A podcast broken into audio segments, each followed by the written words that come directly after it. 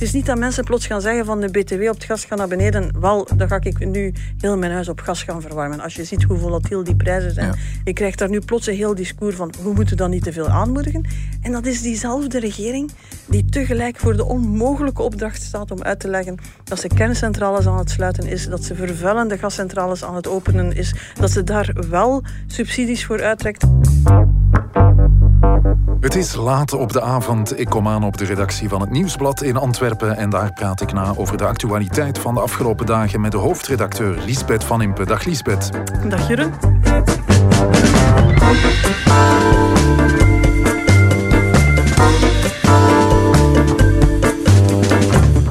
Ik zorg voor de drank, Liesbeth voor een paar scherpe punten. Ik ben Jeroen Roppe, dit is het punt van Van Impe.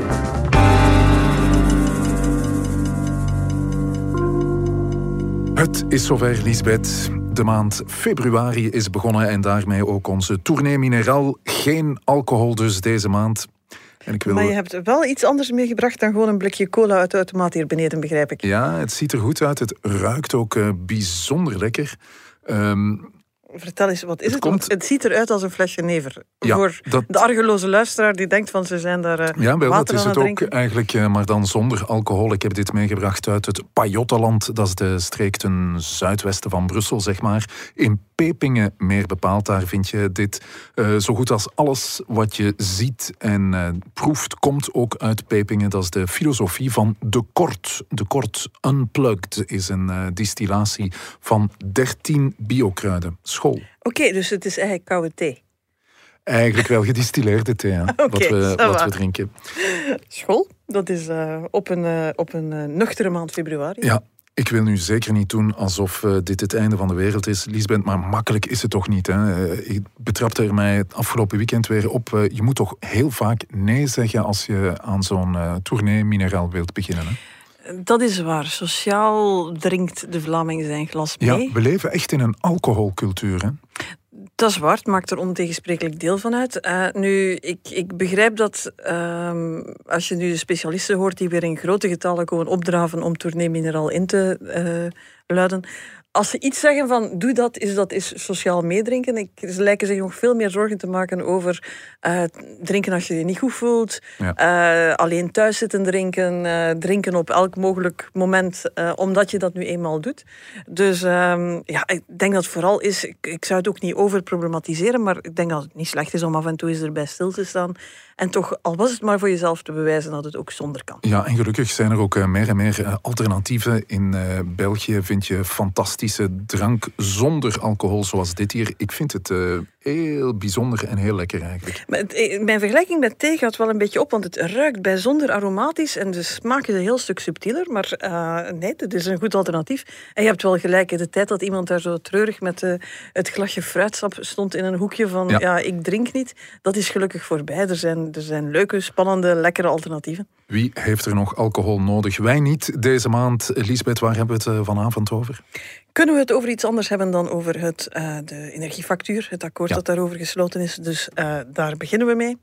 En dan gaan we naar de uitbreiding van Antwerpen. Er, Vlaanderen is iets meer Antwerpenrijker en een stukje minder parking. Um, en we eindigen met uh, Spotify en de rol met uh, Neil Jong en aanverwanten. Ja, een van de bekende podcastplatformen waar je natuurlijk dit uh, punt van Van Impe ook op vindt en op nieuwsblad.be. Laten we maar beginnen aan aflevering 33 van het punt van Van Impe.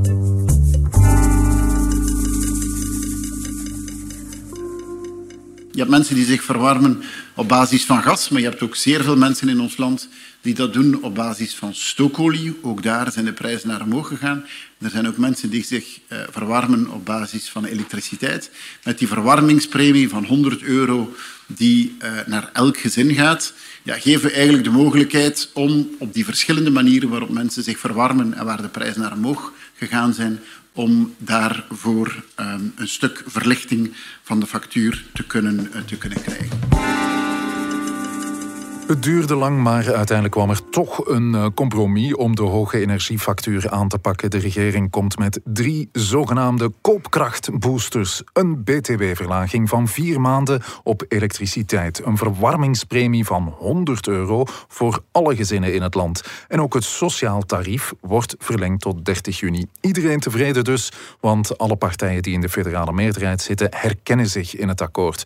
Was jij ook tevreden, Lisbeth? Ik heb eerst gedaan wat je tegenwoordig met deze coalitie altijd moet doen. Zeker als je zo midden in de nacht een akkoord sluit. Even op Twitter gaan checken of uh, meneer Boucher het er ook mee eens is. Maar daar was het stil. Voor één keer was een akkoord blijkbaar ook echt een akkoord. Ja, we hebben geen uh, Boucher gehoord, maar we uh, zagen op Twitter wel heel veel negatieve commentaren. Hè? Wel, je had aan de ene kant weken van verhalen van mensen die zeggen mijn voorschotten gaan honderden euro's per maand omhoog, mijn afrekening gaat, gaat, gaat met, met, met meer dan honderden euro's omhoog. Ja, dan is de boodschap van 100 euro hier en 65 euro daar. Ja, en dan zeggen ze wel eens uh, op de ministerraad, daar rijd je een Ferrari binnen en je komt buiten met een dromedaris. Ja, dit deed mij een beetje denken aan, niet aan een dromedaris, maar aan zo'n zo'n Grieks mythologisch wezen.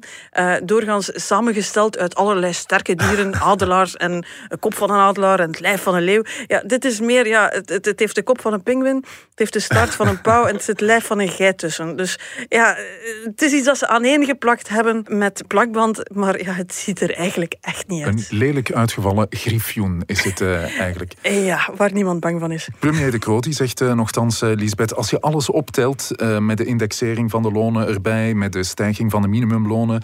Uh, dit kan gezinnen echt wel uh, een pak geld opleveren tot honderden euro per jaar. Dat wordt gezegd. Vervolgens, als ze het proberen uit te leggen, want ik dacht dat dat toch een van de doelstellingen was. We willen een helder, dat voor de mensen duidelijk uh, te verstaan akkoord is. Ja, je moest al goed wakker blijven om heel de uitleg te horen. Als je dan vragen bijstelt van ja, wanneer gaan mensen dat dan krijgen? Hoe wordt dat verrekend? Ja, dan blijkt het toch allemaal heel ingewikkeld te zijn. Dus het is, het is geen helder akkoord. Ja, dat zou eraan ontbreken.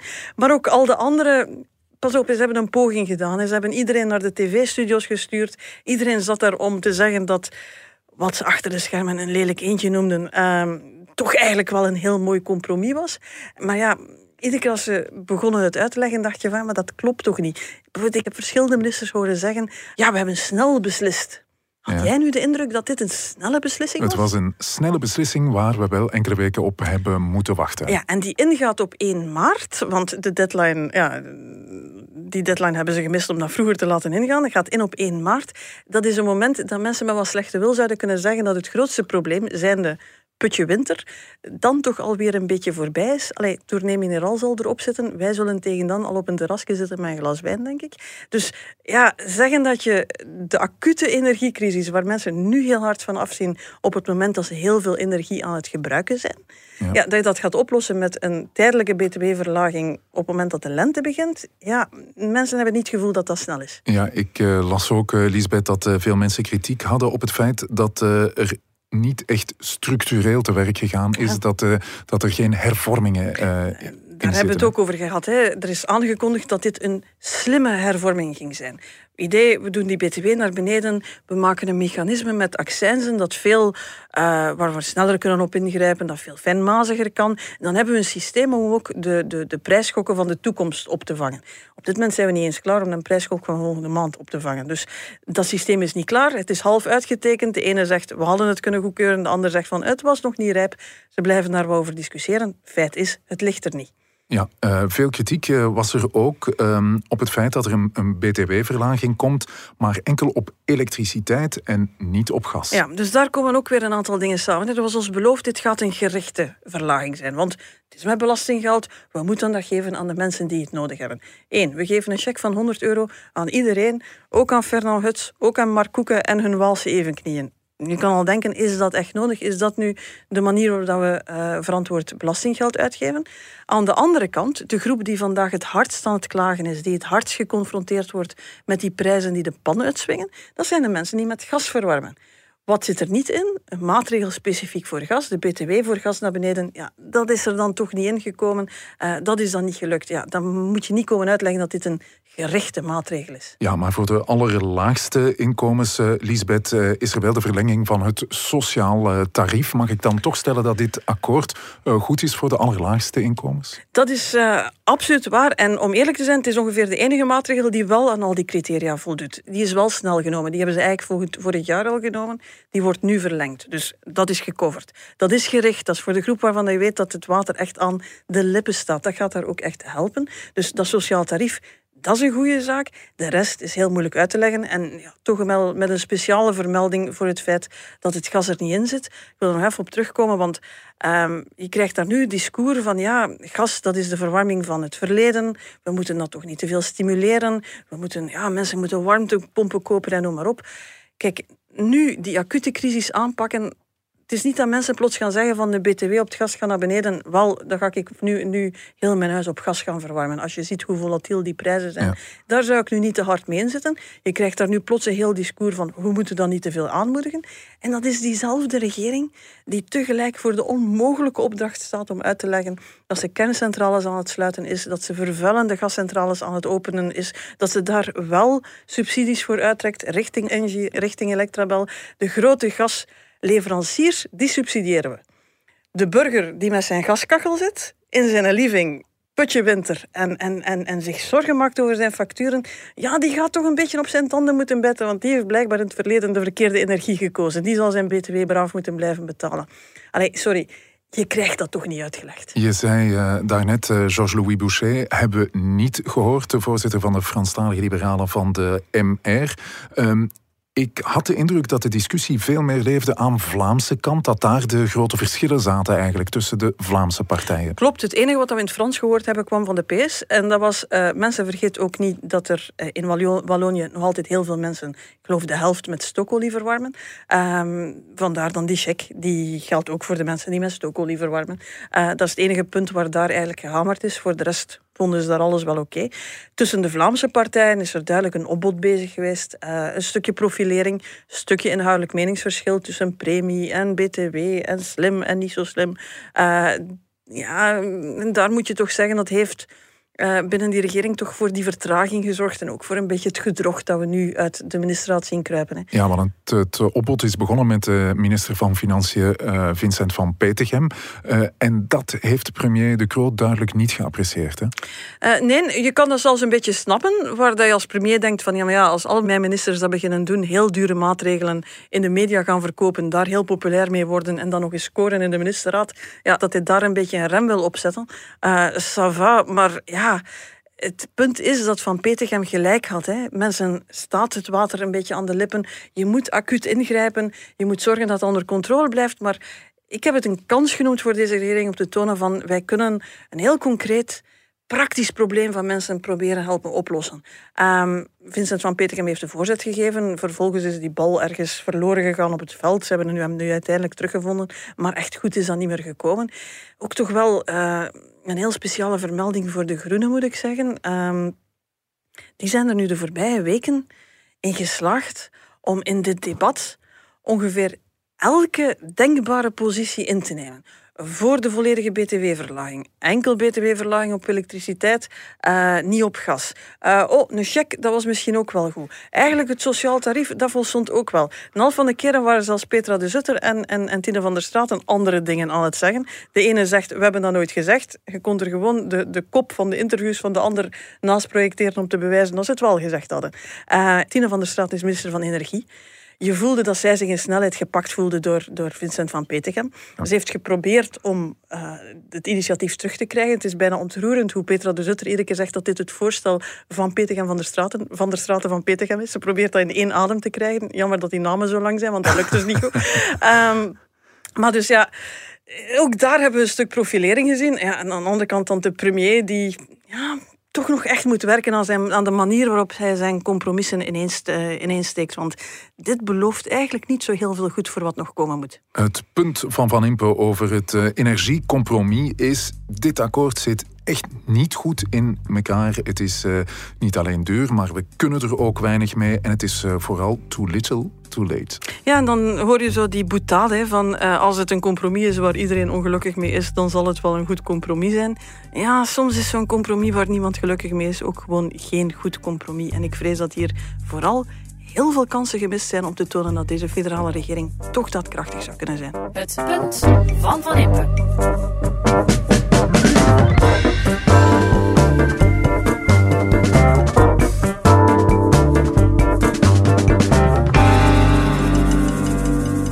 Wel niet goed. We gaan meer taxen je weet moeten betalen, belastingen. Niet goed. En dan zijn we nog een beetje rustiger. Hè? En als we onder Antwerpen gaan vallen, ik denk niet dat we dan uh, nog zo rustig gaan zijn. Een van de 12.000 borstbekenaren en iemand die nog overtuigd moet worden in het journaal van de week. Want Antwerpen, dat is een stad ten noorden van Brussel. Die ja, wordt Jeroen, vanaf... hier ga ik je toch even onderbreken. Ik merk dat ik intussen zeer ingeburgerd ben in Antwerpen en dus mijn Brussels perspectief wat kwijt ben. Want ja, in Antwerpen zeggen we dat Brussel daar die, die gekke stad is die ten Ja. zuiden van ons ligt. Hè. Antwerpen wordt dus eh, vanaf 2025 een beetje groter, want Borsbeek komt erbij en wordt zo het tiende district van eh, Antwerpen. In Brussel zouden we zoiets niet eh, moeten proberen uitbreiden, maar eh, hier Er zijn in ook Antwerpen... Brusselaars die daarvan dromen, hè, maar Ja. die stoten doorgaans op NVA'ers. In dit geval is het huwelijk gesloten door Ja. NVA'er. Hier kan het allemaal, maar toch, dat hoor je, ligt zoiets heel gevoelig, hè, Lisbeth. Ja, fusies, dat, ehm, ja, mensen zijn bang dat ze een stuk eigenheid, een stuk binding gaan verliezen, connectie, dat plots alles veraf wordt. Maar goed, Borsbeek was wel al een tijdje to- tot de conclusie gekomen dat ze echt moesten een fusiepartner vinden. Ja, want eh Borsbeek heeft het financieel moeilijk en eh, moet op zoek naar een nieuw lief, zoals de burgemeester het zelf zei. Niemand wou Borsbeek erbij. Nee, ze hadden al alle andere potentiële lieven een bezoekje gebracht. Maar ja, het is een beetje een atypische gemeente. Antwerpen is typisch zo'n stad waar als je genoeg geld hebt, dan ga je net buiten de stad gaan wonen. Ja. In Mortsel, in Hoven, in, in Boeghout, ehm, Schoten, Brasgaat, noem maar op, die kanten. We hebben daar associaties bij, connotaties bij. Ehm Borsbeek is zo niet. Dat is een, een gemeente waar het gemiddeld inkomen wel lager ligt, waar de budgetten bijzonder schaars zijn. Ik denk dat de, de, de, denk dat de burgemeester was die het nogal kernachtig verwoordde. Deze legislatuur, zes jaar aan een stuk, we hebben geld om één straat opnieuw aan te leggen en dan is het geld op. Ja, ze waren echt op zoek naar een, naar een gemeente die hen ja, een stuk sterker konden maken. Ja, die rijkere gemeenten rond Antwerpen die hadden daar helemaal geen zin in. Ja, en Antwerpen, de stad wel. Waarom wel? Wel, eh, de eerste bemerking die cynische geesten, eh, politieke journalisten dus wel eens maken, is van eh, hier is een burgemeester naar extra stemmen aan het hengelen. Ehm Borsbeek is een, is een klassiek Vlaamse gemeente. 40% van de kiezers daar, van de 12.000 mensen die er wonen, stemmen bij de laatste verkiezingen voor, voor NVA. Dus Bart de Wever kan denken, dat zijn toch een paar duizend stemmen die mijn richting uitkomen je moet dat ook een beetje nuanceren. Er woont een half miljoen mensen, meer dan een half miljoen mensen in Antwerpen. Een paar duizend stemmen maken het verschil niet. Maar we hebben het al eens gehad over dat nieuwe gemeentedecreet. Na de volgende gemeenteraadsverkiezingen eh, is het de grootste partij, de, de, de populairste politicus in de grootste partij, tot op de laatste stem geteld, die het initiatiefrecht heeft. Dus ja, eh, niemand kijkt hier neer op een paar duizend stemmen meer of minder. Ja, Bart de Wever, NVA-voorzitter en burgemeester eh, van Antwerpen, wil die stemmen er dus graag bij. Jij zegt nu, mochten ze in Borsbeek allemaal op een andere partij Was stemmen... dat nu een bloedrood? PvdA-nest geweest, dan had hij misschien nog twee keer nagedacht. maar eh, we moeten eerlijk zijn, eh, de cijfers tonen al aan, de verhoudingen tussen Borsbeek en Antwerpen maken uit dat daar niet de grote beweegreden zit. Ehm, het gaat om centen. Het gaat Ja. altijd om centen en dit gaat ook heel hard om centen. Ja, wat is er nu zo financieel interessant aan, Lisbeth? Borsbeek zelf niet. Borsbeek zelf heeft een schuld van 3 miljoen euro, heeft nauwelijks budget en heeft dus niet waanzinnig veel eigen inkomsten. Maar de Vlaamse regering is heel hard voor meer fusies tussen gemeenten, eh, stimuleert dat en doet dat op eh, de meest eh, eenvoudige manier, zijnde door aan, daar een zak geld tegen aan te smijten. Het neemt eigenlijk het gat naar de gemeenten die willen fuseren en zegt van wij nemen een stuk van jullie schuld over Ja. Aantal inwoners met een bepaald bedrag. Er staat een maximum op 50 miljoen. Spreekt voor zich als Antwerpen fuseert met een, zelfs met een kleine gemeente, dat je aan dat maximum geraakt. Dat betekent dat er 50 miljoen van de schuld gaat. Borzebeek bracht maar 3 miljoen schuld mee, terwijl Antwerpen ooit meer dan anderhalf miljard euro schuld. Dat is intussen heel gestaag afgebouwd tot, tot 280, 270 miljoen euro. Ja, als je daar 50 miljoen aftrekt, ja, dan, dan wordt die financiële positie van, van Antwerpen meteen een, een heel stuk aantrekkelijker. Ja, dat lijkt me een eh, heel belangrijke reden voor de fusie. Het zou ook te maken hebben met de luchthaven van Deurne, Lisbeth. Eh, daar een beetje uitbreiden of wat bijbouwen, dat eh, kan nu natuurlijk voor Antwerpen een stuk makkelijker. Ja, Deurne is zo'n beetje een splijtsame zwam. Het lijkt niet meer van deze tijd. Zo'n kleine luchthaven die dan voor dat soort korte vluchten binnen Europa, het soort dingen waar we van denken van, ja, moeten we dat wel blijven doen? Zaventem ligt uiteindelijk gewoon op een boogscheut van, van, van Antwerpen ook. Zoals je daarnet zei. Die stad ten zuiden van ons, Brussel. Um, maar dat is een beetje een splijtswam, maar Bart Wever is nog altijd een fan van Deurne. En uh, omwonenden klagen daar wel eens over. Laat die nu net voor een groot stuk in Borsbeek wonen. Dus wie weet wordt het ook wat makkelijker om die, uh, die luchthaven ja, te laten doen wat hij wil doen. Ja, en zo hebben we er dus uh, een fusie bij. Um, Zullen er nog gemeenten fuseren, denk je? Uh, ze hebben nog even de tijd. Dit zijn fusies die vanaf 2025 zouden ingaan. Uh, er zijn al uh, vier andere fusies aangekondigd. Drie in Limburg, dan ook in Locrisie-Wachtenbeke. Dus je voelt, ja, de vorige legislatuur zijn we van 308 Vlaamse gemeenten naar 300 gegaan. Uh, waarschijnlijk 2025 zouden we nog met 295 zijn. Het, ja, het borrelt wel. Mensen zijn aan het nadenken. Die financiële uh, tegemoetkoming, van, tegemoetkoming van de Vlaamse regering, ja, dat maakt het wel een beetje populair, maar het gaat bijzonder traag. Tuurlijk, is het, het is een, eh, een stap die je niet makkelijk zet, hè, omdat het zo gevoelig ligt. Nee, zeg aan mensen die al wat ouder zijn. Ik ben in dat jaar geboren, 76, 77, was de echt grote hervorming van de gemeenten in België. Toen zijn we van 2359 gemeenten naar 589 gegaan, waarvan 308 in Vlaanderen. Ja, in sommige dorpen zou je denken dat dat trauma van eind jaren 70 nog springlevend is. Hè. Daar wordt over gesproken als, ja, toen is alles beginnen verkeerd gaan. Uh, aan de andere kant is de inschatting dat die fusies onvermijdelijk zijn. Uh, de KU Leuven heeft dus, heeft dus bekeken, en je zou eigenlijk niet onder de 15.000 inwoners mogen gaan. De helft van de Vlaamse gemeenten zit daar nog stevig onder. Uh, je mag geen te grote schuldgraad hebben. Je hebt een zekere financiële slagkracht nodig als gemeente.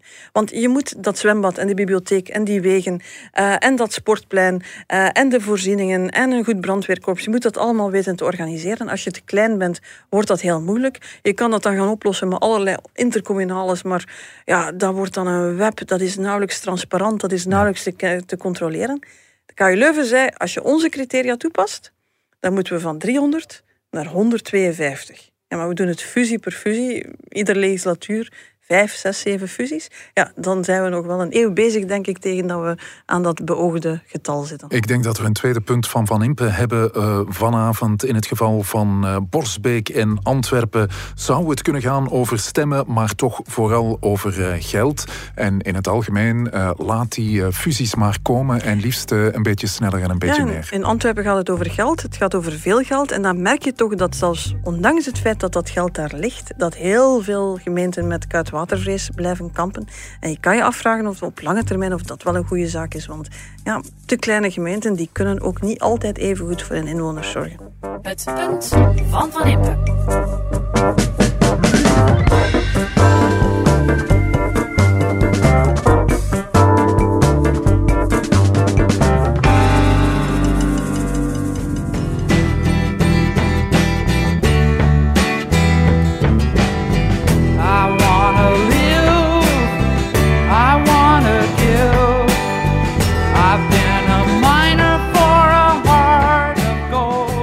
Nog mogen meemaken. Heart of Gold van Neil Young. Ik denk dat het de grootste hit is van uh, Neil Young. Het zou ook uh, Rocking in the Free World kunnen zijn. Of Needle and the Damage Done. Um, ik hoop dat je hem nog uh, ergens hebt liggen op cd, vinyl of op een of ander platform nog kunt beluisteren. Want via Spotify kan het niet meer. Dat is uh, jammer, vind jij dat uh, jammer eigenlijk, Elisabeth? Ja, ik heb zelf niet zo heel veel met Neil Jong. Ik heb het meer voor hele diepe mannenstemmen en daar valt Neil Jong nu niet onder. Maar uh, ja, ik had ook gehad een plots in mijn Spotify-lijst door dat conflict waarbij een aantal artiesten vertrokken zijn bij Spotify. Bij mij zaten de gaten vooral ter hoogte van Joni Mitchell. Ja, want die is ook vertrokken en die komt ook uit Canada trouwens. Joni Mitchell van Big Yellow Taxi. Seem to go that you don't know what you've got till it's gone. It paradise, put up a parking lot. Ja, die vind je dus ook niet meer terug op Spotify. Joni Mitchell. En dus ook niet meer uh, op jouw Spotify, Lisbeth? Nee, die stond, het was Both Sides Now, denk ik, die in een van mijn playlists stond. En ik, het was dus een van die confrontaties waar je plots merkt hoe oud je al bent. Want uh, de hele clash Neil Young, Joni Mitchell, Spotify Joe Rogan, want daar gaan we het over hebben. Ja, daar waren de millennials allemaal van uh, wie Neil Young, wie Johnny Mitchell. En dan denk je van ja, jongens, ga toch eens gaan luisteren, maar je zal het ergens anders moeten doen dan bij Spotify. Dus. Ja, de Joe Rogan Experience, daar draait het allemaal uh, rond. Um, Joe Rogan die heeft net als wij een podcast, maar uh, er is wel een essentieel verschil. Hè? Er zijn verschillende verschillen. Uh, ik, heb eens, uh, dus ik heb er een paar beluisterd. Nu, je moet eh, uren uitrekken, drie, vier uur voor één podcast. Hij krijgt heel veel bekend volk over de vloer. Wij moeten het met z'n tweeën doen. Um, en toch ook een niet onbelangrijk verschil heeft 11 miljoen dagelijkse luisteraars per dag. Uh, en Spotify heeft 100 miljoen euro betaald voor de exclusieve rechten tot de podcast. Het is ons nog niet overkomen. Nee, we komen in de buurt, maar dat is ons inderdaad uh, nog niet uh, overkomen. Joe Rogan is controversieel, Elisabeth, omdat uh, hij ook wel eens af en toe een forum geeft aan mensen met ja, heel uh, extreme meningen of uh, mensen die gewoon ronduit onwaarheden verkondigen. Het is, het is zelf het is een, het is een comedian, het is geen journalist, uh, stand-up comedian, ook een mixed martial arts fanaat en nog 700 andere rare dingen. Maar hij krijgt mensen voor zijn microfoon, hij stelt geïnteresseerd vragen, hij laat ze uitspreken uren aan een stuk. Maar hij doet dat dus ook met controversiële figuren en daar zijn een aantal afleveringen geweest, vooral met mensen die over de vaccins toch wel een aantal heel gekke dingen aan het vertellen waren die dat dus uren aan een stuk hebben mogen doen, eigenlijk zonder al te veel weerwerk te krijgen. En dan kan je de vraag stellen, wat moet eh, Spotify doen? Uh, Spotify zelf wil Rogan er niet uit, want uh, voor Spotify is de vrije meningsuiting heel belangrijk. Dat is heel ze willen belangrijk. niet aan censuur doen. Ja, um, dat is heel belangrijk,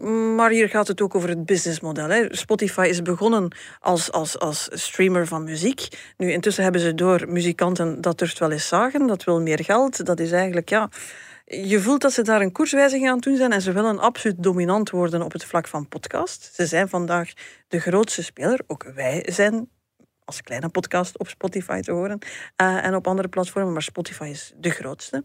En je voelt daar, ja, Joe Rogan hebben ze zoveel geld voor betaald. Uh, andere grote podcastmakers, die zijn dat heel goed in de gaten aan het houden. Hoe gaat Spotify hiermee omgaan? Die plots met de censuurstift beginnen uh, afleveringen te, te, te, te, schrappen. Dus laten we eerlijk zijn, de strijd tussen Neil Young en Joe Rogan voor Spotify is nooit een echte strijd geweest. Het businessmodel zegt dat ze helemaal aan de kant van Joe Rogan moeten gaan staan. Ja, maar toch uh, kan je je de vraag stellen: is Spotify verantwoordelijk voor uh, wat er daar allemaal uh, verteld wordt in de Joe Rogan Experience of in andere podcasts? Dat is de Catch-22 waar we met al die hele grote tech-platformen in verzeild geraakt zijn. Hè. Aan de ene kant is het een beetje makkelijk voor Twitter voor Facebook, voor Spotify, om te zeggen van hé, hey, wij geven alleen maar de technologie. Wij maken alleen maar een platform. Wat daarop gebeurt, of dat nu haatspraak is, of dat oproepen voor geweld is, of dat disinformatie is, of dat fake news is, ja, daar gaan wij ons niet mee moeien. Je voelt dat wringt. Want mm. vroeger, als je een klassieke krantenuitgever was, dan was je, we hadden dat idee van de verantwoordelijke uitgever. Tuurlijk, je was als uitgever verantwoordelijk voor wat er in je krant gebeurde en je kon je daar niet zomaar wegsteken. Die platformen doen dat wel. Aan de andere kant, iedere keer als we zien dat die dan toch proberen in te grijpen, ontstaat er een discussie van hoe transparant is dit? Is het straks Mark Zuckerberg die gaat bepalen welke meningen wel nog kunnen? Is het Twitter dat gaat zeggen van jij bent goed, jij mag tweeten, jij bent niet goed, jij mag niet tweeten? We zitten daar op een gigantisch spanningsveld dat ook Spotify niet opgelost krijgt. Ze hebben nu gezegd van ja, we gaan voor zo'n controversiële podcast, als er iets over COVID gezegd wordt, zorgen dat er een linkje staat naar de juiste ja, uh, kwalitatieve informatie. informatie ja. ja, alsof mensen terwijl ze op een podcast uh, zitten, dat gaan doen. Dat is een beetje een doekje voor het bloeden, dat is een beetje imago, maar je voelt wel dat ze ermee zitten. Ik vond eigenlijk de reactie van Joe Rogan ook wel interessant. Die zegt van, um, heeft dan toch van zich laten horen en gezegd van ik besef ook wel de commotie. Het, het, het, ik vind dit spijtig. En misschien moet ik toch wel wat beter voorbereid, wat meer weerwerk bieden, wat meer de tegenstem ook laten horen als ik zo'n controversiële figuur een platform geef. Dus ook voor een maker is dat, is dat een dilemma. Um, geef ik, geef ik een gigantisch platform dat ik, dat ik gebouwd heb met mijn eigen populariteit en noem maar op. Ja, wie mag daarop? Beetje de discussie die we vorige week ook gevoerd hebben, hè, waar je naar aanleiding van de betoging zat van hey, wij kunnen speeches houden, iedereen die hier iets wil komen zeggen. Ja, je voelt dat je ergens toch ook criteria nodig hebt om te weten van dit is onzin. Ja, uh, toen uh, zei je eigenlijk uh, gaat het om het verschil tussen een feit en een onwaarheid. Dat zou je punt nu ook kunnen zijn. Hè? Spotify's, Facebook en andere Twitters zoeken een manier om om te gaan met onwaarheden die verteld worden op hun platform. Met een verantwoordelijkheid. Je wil geen censuur, maar je wil ook niet het Vrije Westen. En met die grote tech-platformen waarvan je kan afvragen of dat we die altijd maar groter moeten laten worden, want het probleem wordt er niet kleiner mee. Maar die staan allemaal voor datzelfde dilemma. En het is duidelijk nog niet opgelost. Het punt van Van Impe.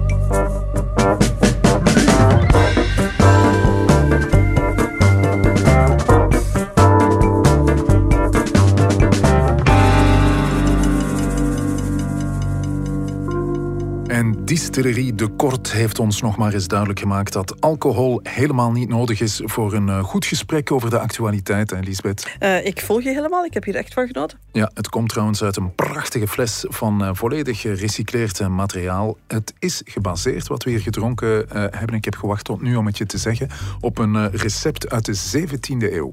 Dat ja. is dan weer heel mooi. Dat is, ja, nee, ik uh, blijf ook van, van alles wat we in dit land maken dat ook niet alcoholisch is. We kunnen best zonder en dat gaan we een hele maand tonen in het punt van Van Impe. Tot volgende week, Lisbeth. Tot volgende week. En laat ons nog even klinken op het feit dat wij Johnny Mitchell en Neil Young ook op Spotify hebben laten horen.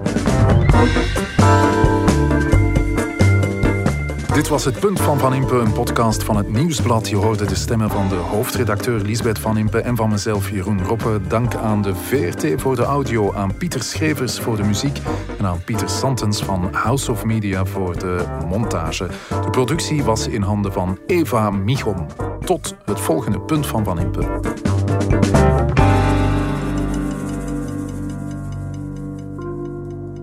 Heb je de andere podcasts van het Nieuwsblad al gehoord? Stemmen van Assise, de sportpodcasts, Shotcast en De Koers is van ons.